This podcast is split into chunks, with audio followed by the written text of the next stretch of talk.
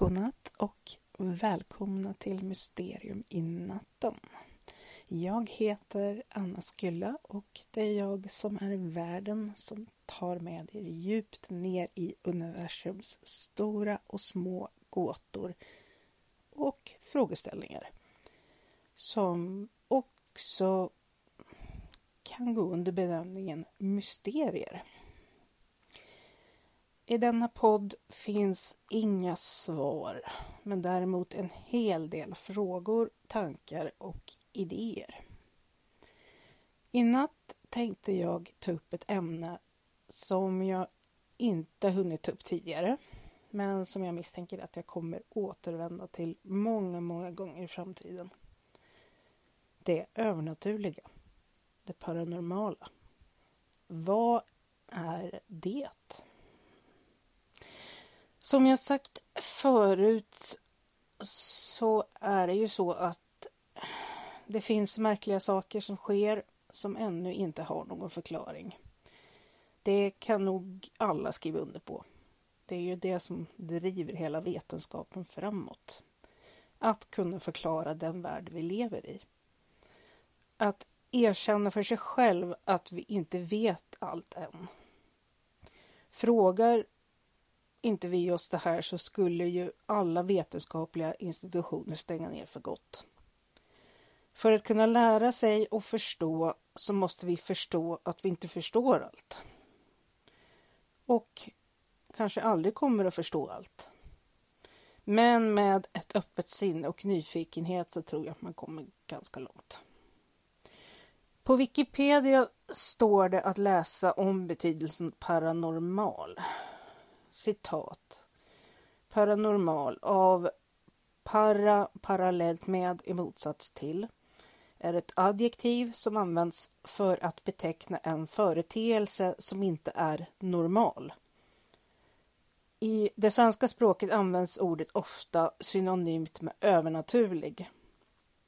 Det vill säga ett fenomen som inte kan förklaras med normala vetenskapliga metoder. I det sammanhanget bör man skilja på sånt som vetenskapen accepterar som påvisbart. Men för vilket det för närvarande inte finns några accepterade vetenskapliga förklaringar. Och sånt som man inte har kunnat påvisa under vetenskapligt kontrollerade förhållanden. Paranormala fenomen kan dock studeras med vetenskapliga metoder och vanligtvis brukar ordet paranormalt endast användas för den senare kategorin. Slutcitat.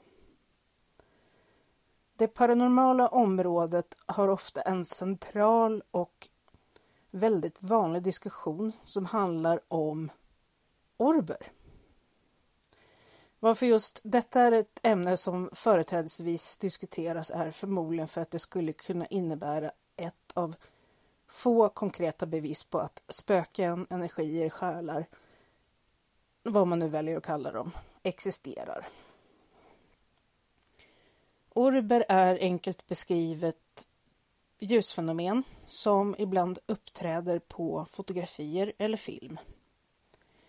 Det är stora oskarpa cirklar, lysande cirklar, ni har säkert sett dem så uppkommer då partiklar, till exempel damm, vattendroppar, insekter med mera, hamnar kraftigt ur fokus. För att framträda måste de vara mer upplysta än bakgrunden, vilket är ett vanligt resultat av att använda blixt i mörka utrymmen. Många är också övertygade om att de kan orsakas av övernaturlig aktivitet att det är andliga manifestationer eller uppkomsten av övernaturliga varelser som till exempel änglar. Personligen så anser jag nog att det ena inte behöver utesluta det andra.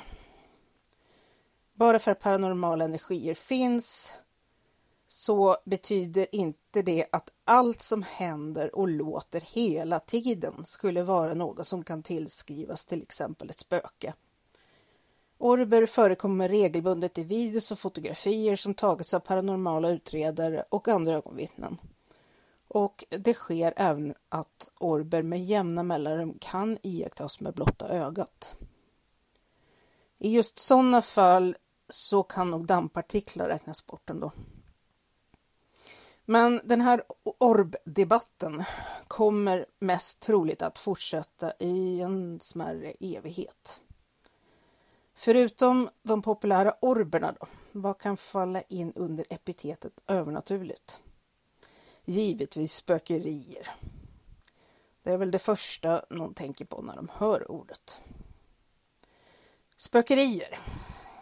Spökerier är en eller flera övernaturliga upplevelser som vanligtvis är kopplade till en plats. De kan involvera spöken, men det är inte alltid fallet. Enligt artikel i The Atlantic Paranormal Society, inom parentes TAPS, lär känna dina spöken, kan spöken delas in i olika klasser. Som till exempel energirester, poltergeist eller intelligenta spöken. Men i parapsykologisk forskning, vad som ofta kallas en kvarvarande energi, är en aktivitet som involverar ett scenario som upprepar sig om och om och om igen på en viss plats vid en allmän tid på dygnet. Som du, liksom när du tittar på den så är det, det är mer som en övernaturlig återuppspelning av ett tv-program kanske. Det brukar kallas helt enkelt för ett spökeri och det skiljer sig lite från termen spöke eller uppenbarelse eftersom ett spökeri är en återuppspelning av energi som inte har någon intelligens.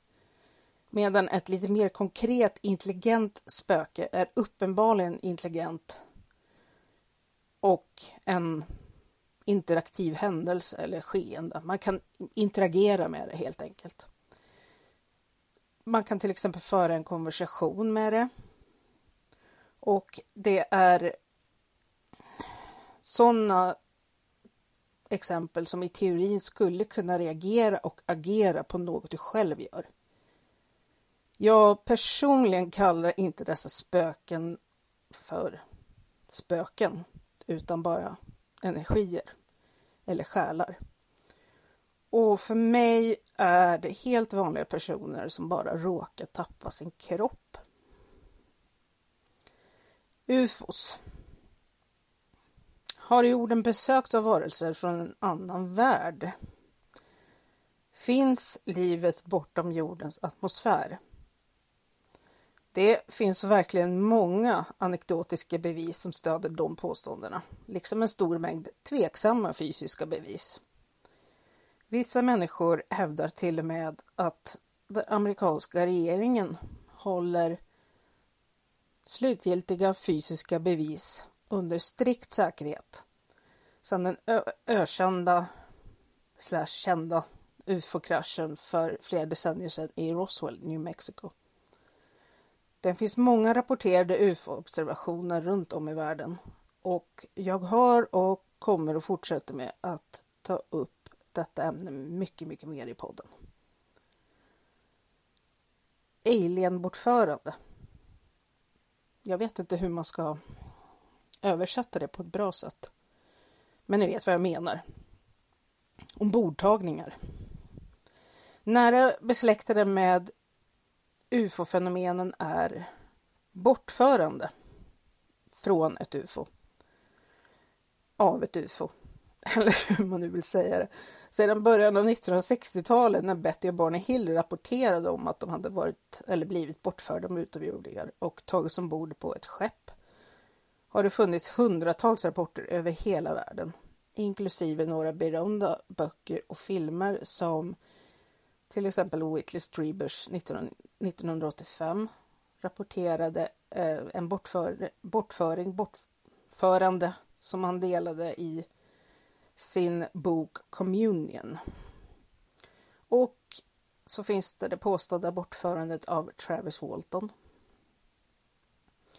Berättelser bland de som blivit bortförda har anmärkningsvärda likheter och detaljer som nämns under hypnos stämmer ofta överens även då de bortförda inte har en aning om varandra. Detta har lett till till exempel organisationer som International Center for Adoption Research bedriver pågående forskning om det här fenomenet. Bigfoot och andra kryptider. Bigfoot-forskaren Dr. Jeff Meldrum hävdar att kryptozoologi inte borde passa i kategorin paranormal aktivitet eftersom sannolikheten är att några av de här varelserna, inklusive Bigfoot, existerar fysiskt och inte är några övernaturliga varelser utan bara djur som ännu inte har upptäckts och klassificerats.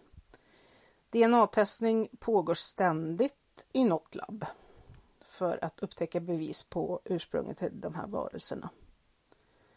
Vissa människor anser att de beryktade bilderna från Patterson Gimlin som fångades i Kalifornien 1967 var det starkaste och mest övertygade videobevis hittills om Bigfoot. Och det var ju ganska sorgligt eftersom det senare visade sig vara fejk. Just detta är en bekant gren av den mystiska sidan av universum som jag redan tagit upp. Så den känner ni igen. Svartögda barn har jag inte pratat om. En typ av potentiell övernaturlig varelse som för närvarande skrämmer människor från vettet över hela världen. Det är svartögda barn. Det sägs att dessa barn har helt kolsvarta ögon och berättar för människor att de är i nöd och i behov av hjälp. Folk som möter dem rapporterar att de känner ren och skär skräck. Jag har inte hittat något specifikt ursprung till den här myten, eller vad man nu ska kalla dem. Det finns ytterst få indikationer på att de alls existerar. Personligen tror jag att just dessa är någon form av creepypasta som har kommit som en förlängning av till exempel ja, asiatisk skräck där många svartögda barn och unga kvinnor existerar. Skulle vilja placera till exempel varulvar och vampyrer i samma så att säga låtsasfack som svartögda barn och jag vet inte ens om de riktigt platsar i den paranormala sektorn. Det är lite dubbelt där. Tron på de här paranormala varelserna har funnits i århundraden. Vanligtvis till följd av berättelser som släppts i nedstigande led genom olika kulturer för att förklara element i livet som inte så lätt kunde förstås. Vissa människor rapporterar observationer av varulvar, mothmans, Jersey Devils och vampyrer som potentiellt kan ge trovärdighet till myter kring dessa legendariska varelser. Psykiska krafter det finns flera typer av så att säga psykiska förmågor som finns. Från mediumskap, alltså en förmåga då att kommunicera med de döda, till olika clairs som inkluderar clairvoyance. Det betyder att man ser, alltså ser med vad ska man säga, ser med hjärtat och hjärnan, inte med ögonen. Clairaudience, psykisk hörsel. Clairsentience, psykisk kunskap. Och clairolfaktion. Det är som psykisk lukt eller doft. Clairtentiency, det är eh, psykisk känsla eller beröring. I psykiska förmågor ingår också empati till exempel ja, man upplever någon annans känslor som sina egna. Något vanliga människor naturligtvis gör på daglig basis. Psykometri, mottagande av psykisk information från beröring av föremål. Telepati eller ESP, det är psykisk kommunikation. Och djurkommunikation.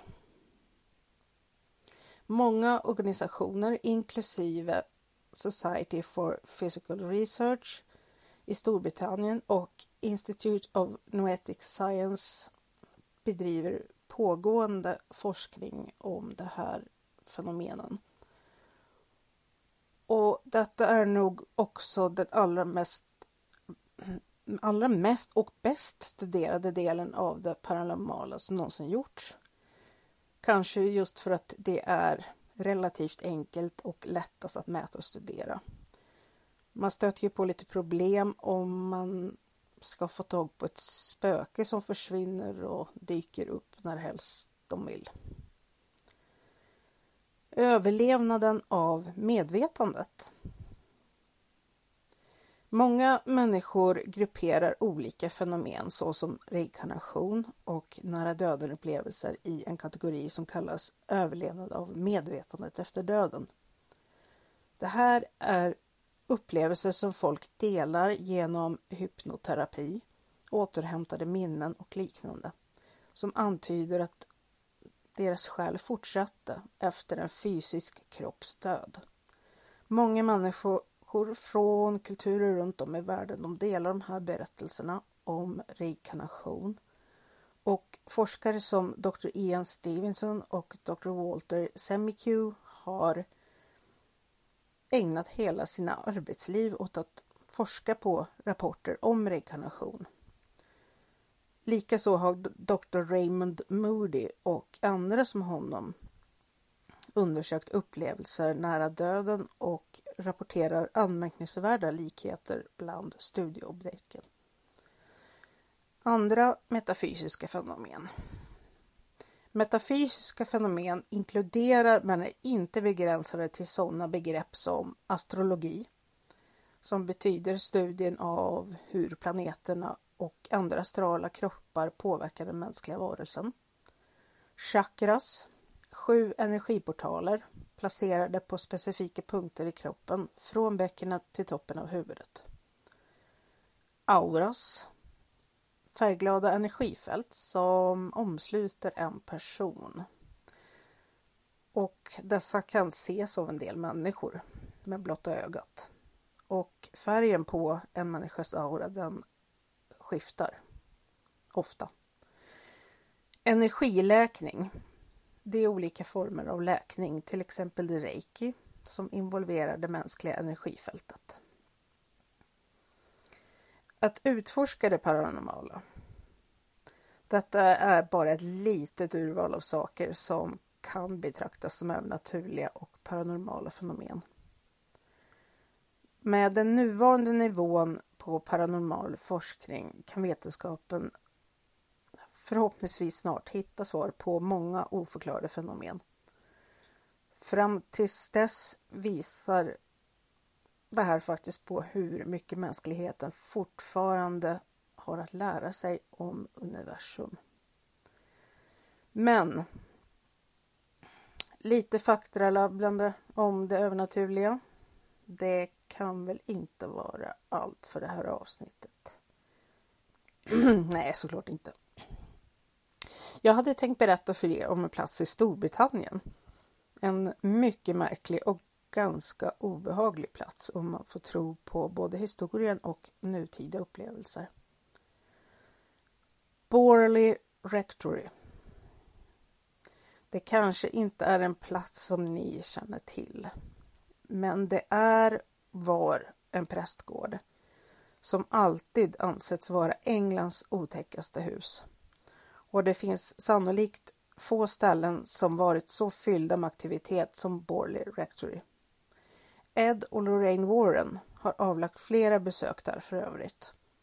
Och då byggnaden brann ner så tog paret med sig en av stenarna från den ena väggen och placerade den i deras hemsökta museum. Denna speciella prästgård byggdes på platsen för ett gammalt munkkloster. Och det låter som något från en dålig skräckfilm, eller hur? Ja, Borley prästgården är den plats dåliga filmer bygger på. Det finns faktiskt en del att streama om ni är intresserade. Om ni bara googlar lite snabbt.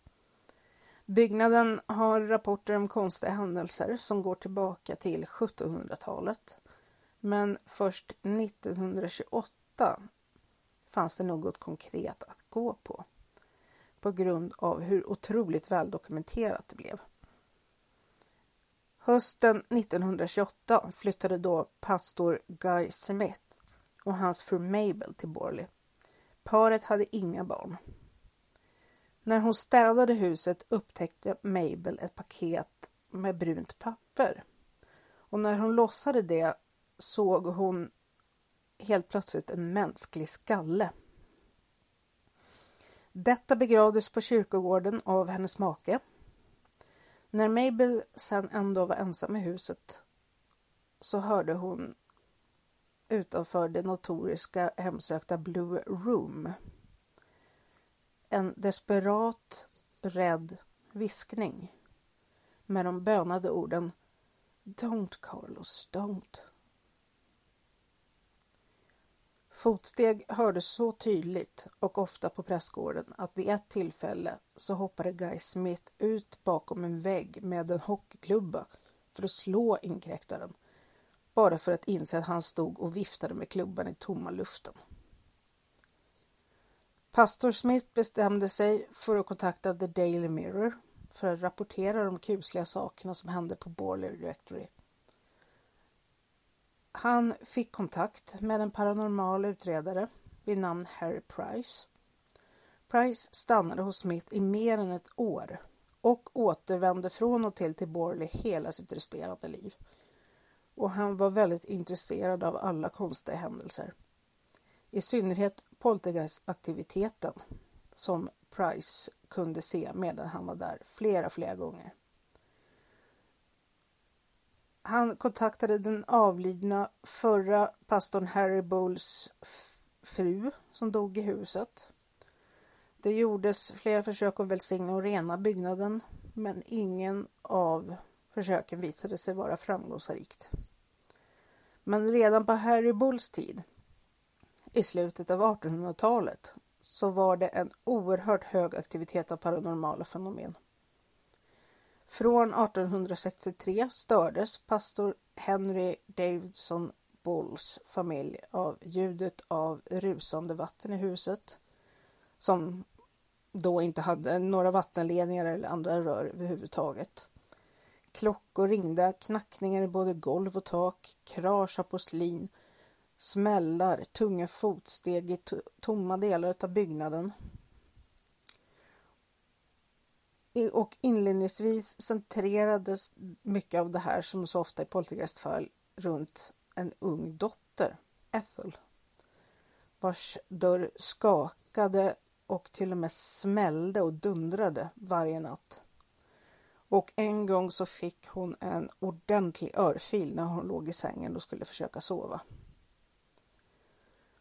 1886 kom en ny sjuksköterska till Borley, Elizabeth Byford, och hon blev tilldelad det mest hemsökta rummet av alla. Hon hade hört om ryktena, men hon varken såg eller hörde någonting. Hon slappnade av och tänkte inte mer på det. Men ungefär två veckor senare vaknade hon vid midnatt till ljudet av fotsteg utanför dörren och knackningar som började vid dörren och långsamt fortsatte upp mot taket, upp i taket och in mot rummet och ovanför Elisabeth där hon låg i sängen. Hon slutade dagen efter i ren och skär panik. Den 28 juli 1900 återvände döttrarna Ethel och Frida Bull till prästgården från en sommarfest. De kom ut från träden och buskarna på gräsmattan och såg en kvinnlig figur med böjt huvud, klädd helt i svart. Det såg ut som en nunna med de där klassiska nunnekläderna. Den, eller hon då, verkade snarare glida än att gå. Efter att ha tittat på henne en stund så förstod flickorna att hon måste vara ett spöke och blev då genast betydligt mer rädda. En av flickorna sprang in för att hämta sin syster Elsie som svarade Vilket nonsens, jag ska gå ner och prata med det.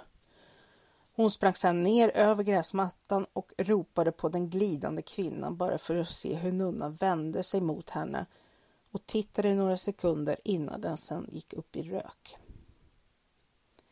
Hösten 1927 såg en resande snickare, Fred Cartwright, nunnan fyra gånger på två veckor. Han var inte lokal i området. Han hade aldrig hört talas om Borley-spökhistorierna och antog vid varje tillfälle att figuren var levande. Hans misstankar väcktes först vid hans fjärde syn, när kvinnan på ett oförklarligt sätt försvann mitt framför ögonen på honom. Det första Henry Bull fortsatte med var sina arbetsuppgifter. Och han fortsatte med det till sin död i maj 1892 och han efterträddes omedelbart av hans son. Den andra, hans son heter Henry Bull han också. Han heter precis samma sak. Hans son, han efterträddes av hans son Henry Foister Bull som höll liv i prästgården tills dess han dog i juni 1927. En sommarnatt 1929 så hade Daily Mirror-journalisten V.C. Wall smugit dit med en fotograf i släptåg precis i skogen bakom Borley Rectory i Suffolk. De var såklart där på grund av det mest hemsökta huset i England och hade bestämt sig för att de skulle fotografera husets alla spöken. Men de såg inte skymten av den spöklika nunnan, hästar eller andra märkliga uppenbarelser som rapporterats av andra. Däremot såg de ett märkligt ljus som liksom flöt upp och ner åt sidorna, fram och tillbaka inne i prästgården. När personen i följet gick in för att undersöka var inget ljus synligt. Ändå utanför kunde Wall och fotografen fortfarande se ljuset som studsade runt där inne. Den 11 juni 1929 läste sedan utredaren och journalisten Price om Walls två första rapporter om Borley. Och inom några timmar började den mest berömda eran i pastor Guy Smiths spökhistoria. Efter att hållit vakt tillsammans med Price nästa kväll var Wall säker på att han såg nunnan röra sig mot en bäck i trädgården. Strax efter att mörkret hade sänkt sig över byggnaden så satt de inne i vardagsrumsdelen och då kom en röd glasljusstake susande förbi deras huvuden och sprack våldsamt mot en järnspis. Småsten och skiffer rullade långsamt ner för trappan. Tjänarklockorna pinglade på egen hand. Två nycklar åkte samtidigt ut från olika dörrar. Och snabbt sprang då de här männen upp på övervåningen för att se vem det var som kastade runt allting. Men de kunde inte avslöja några som helst spår av någon annan på prästgården. År 1930 lämnade Smith och hans fru fastigheten för gott. Nästa person att ta sig an fastigheten var pastor Foister, hans fru Marianne och deras adoptivdotter Adelaide. De konstiga händelserna fortsatte och poltergeistaktiviteten blev allt mer aggressiv. Det rapporterades om några allvarliga skräckfilmsliknande incidenter som hade inträffat. Pastor Feusters fru Mariannes glasögon krossades när hon hade dem på sig då, så hon fick glas in i ögat. Fönsterrutor sprack oavsett vad de gjorde eller inte gjorde. Vid ett annat tillfälle så kastades frun halvvägs genom sovrummet från sin säng. Och det tog väldigt, väldigt lång tid för henne att hämta sig från just denna specifika incident. De rapporterade också att de ofta såg konstiga meddelanden och symboler som dök upp på deras väggar, golv och tak utan förklaring. Många hushållsföremål försvann. Medan föremål som de inte ägde eller aldrig någonsin hade sett dök upp från ingenstans. En dag tog Marianne av sig klockan för att tvätta händerna. Hon vände sig tillbaka för att hämta den och fann att bandet hade försvunnit, men klockan var fortfarande kvar. Föremål kastades ofta mot eller förbi paret och Marianne fick en gång en så kraftig smocka av en osynlig kraft att huden både sprack och gav henne en rejäl blåtira. Vid flera tillfällen såg Marianne spöket av Henry Bull, den första, som påstås ha varnat sin familj att han skulle återvända som en poltergeist om han blev missnöjd med livet efter livet så att säga. Vilket han då måste ha blivit. Henry Foister verkar utåt ha varit en jovial, energisk figur som gillade att springa mellan kyrkan och prästgården på mässdagarna. Han låter inte som den person som älskar att föreställa sig spöken och hitta på rövarhistorier. Och samma sak förmodligen gällde för hans mycket godmodiga, lugna hund Juvenal. Ändå ute i trädgården en dag började retrievern yla och skälla som tokig på något bakom fruktträden. Foister... Ursäkta mig. Jag tror inte min förkylning helt har försvunnit ärligt talat. I alla fall, Foister följde hundens blick och han såg ett par ben. När de kom flytande ut ur buskarna såg han att kroppen var huvudlös. Den korsade trädgården och gick rätt igenom en stängd och låst grind. Foister såg också den beryktade spöklika hästtränaren för Borley. Detta spöke ses fortfarande emellanåt. Både själv och tillsammans med två hästar. Konstigt nog så verkar den här tränaren oftast vara tyst när den ses och osynlig när den hörs. Jag ska dricka lite vatten här, ursäkta mig.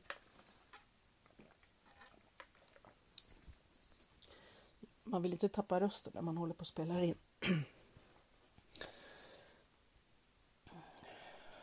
Foistrarna, de härdade i alla fall ut i fem år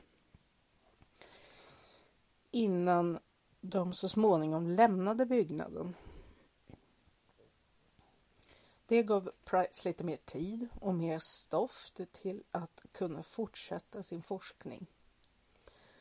Han gjorde det, men hans forskargrupp de urlakades av aktivitetsnivåerna och droppade av en efter en. Price dokumenterade senare sina resultat i en bok med titeln The Most Haunted House in Britain. Prästgården skadades svårt 1939 när den nya ägaren Captain W. Gregson hävdade att han av misstag startat en brand. Polisen stämplade det däremot som mordbrand. Price återvände, återvände ännu en gång till platsen. Och bland ruinerna hittade han två mänskliga ben som han begravde. Lokalbefolkningen vägrade dock att låta benen begravas på själva platsen eftersom de hävdade att det bara var djurben. Prästgården revs 1944 eftersom den inte kunde repareras. Det rapporteras fortfarande att ovanliga händelser och ytterst märkliga uppenbarelser inträffar i området. Men dessa rapporter är mer anekdotiska. Märkligt nog tror de flesta att det stället hemsöktes av en nunna. Och det kan ju tyckas vara lite märkligt eftersom det ju var platsen för ett munkkloster. Men det finns en rik och intressant tidigare historia faktiskt. Nunnan, som tros vara den nunnan man ser, brukade besöka klostret och hade ett omoraliskt och olagligt kärleksförhållande med en av munkarna. När paret upptäcktes så avrättades munken direkt, men nunnan låstes in och lämnades för att svälta ihjäl. Många av fenomenen kan förklaras med vanliga banaliteter. Den rapporterade pol poltergeistaktiviteten är speciellt intressant och eftersom den rapporterades av kyrkans män själva som i alla fall förr i tiden ansågs vara inkapabla till lögner. Sen kvarstår också det faktum att Price forskarteam var mindre än övertygade om berättelserna även om alla kunde vittna om det som skedde och att det, det, det var helt bisarra saker mitt framför deras ögon vid ett flertal tillfällen. Hur som helst, Storbritanniens mest hemsökta hus är fortfarande ett mysterium. Andra händelser som rapporterats många gånger vid platsen för Borley Rectory är sten och grus som helt plötsligt kommer farande nerför trapporna och ibland kastas från ett rum till ett annat bara för att träffa någon i huvudet. En flicka, eller huvudet på en flicka snarare, som hade svävat i ett fönster på övervåningen sågs. Knackningar som fortsätter trots att det inte finns någon prästgård längre rivmärken, barnskratt, fnitter, mumlanden. Ja, listan kan göras lång. Och det fortsätter än idag. Det finns inte ett hem i närheten av denna prästgård som inte är eller har varit hemsökt.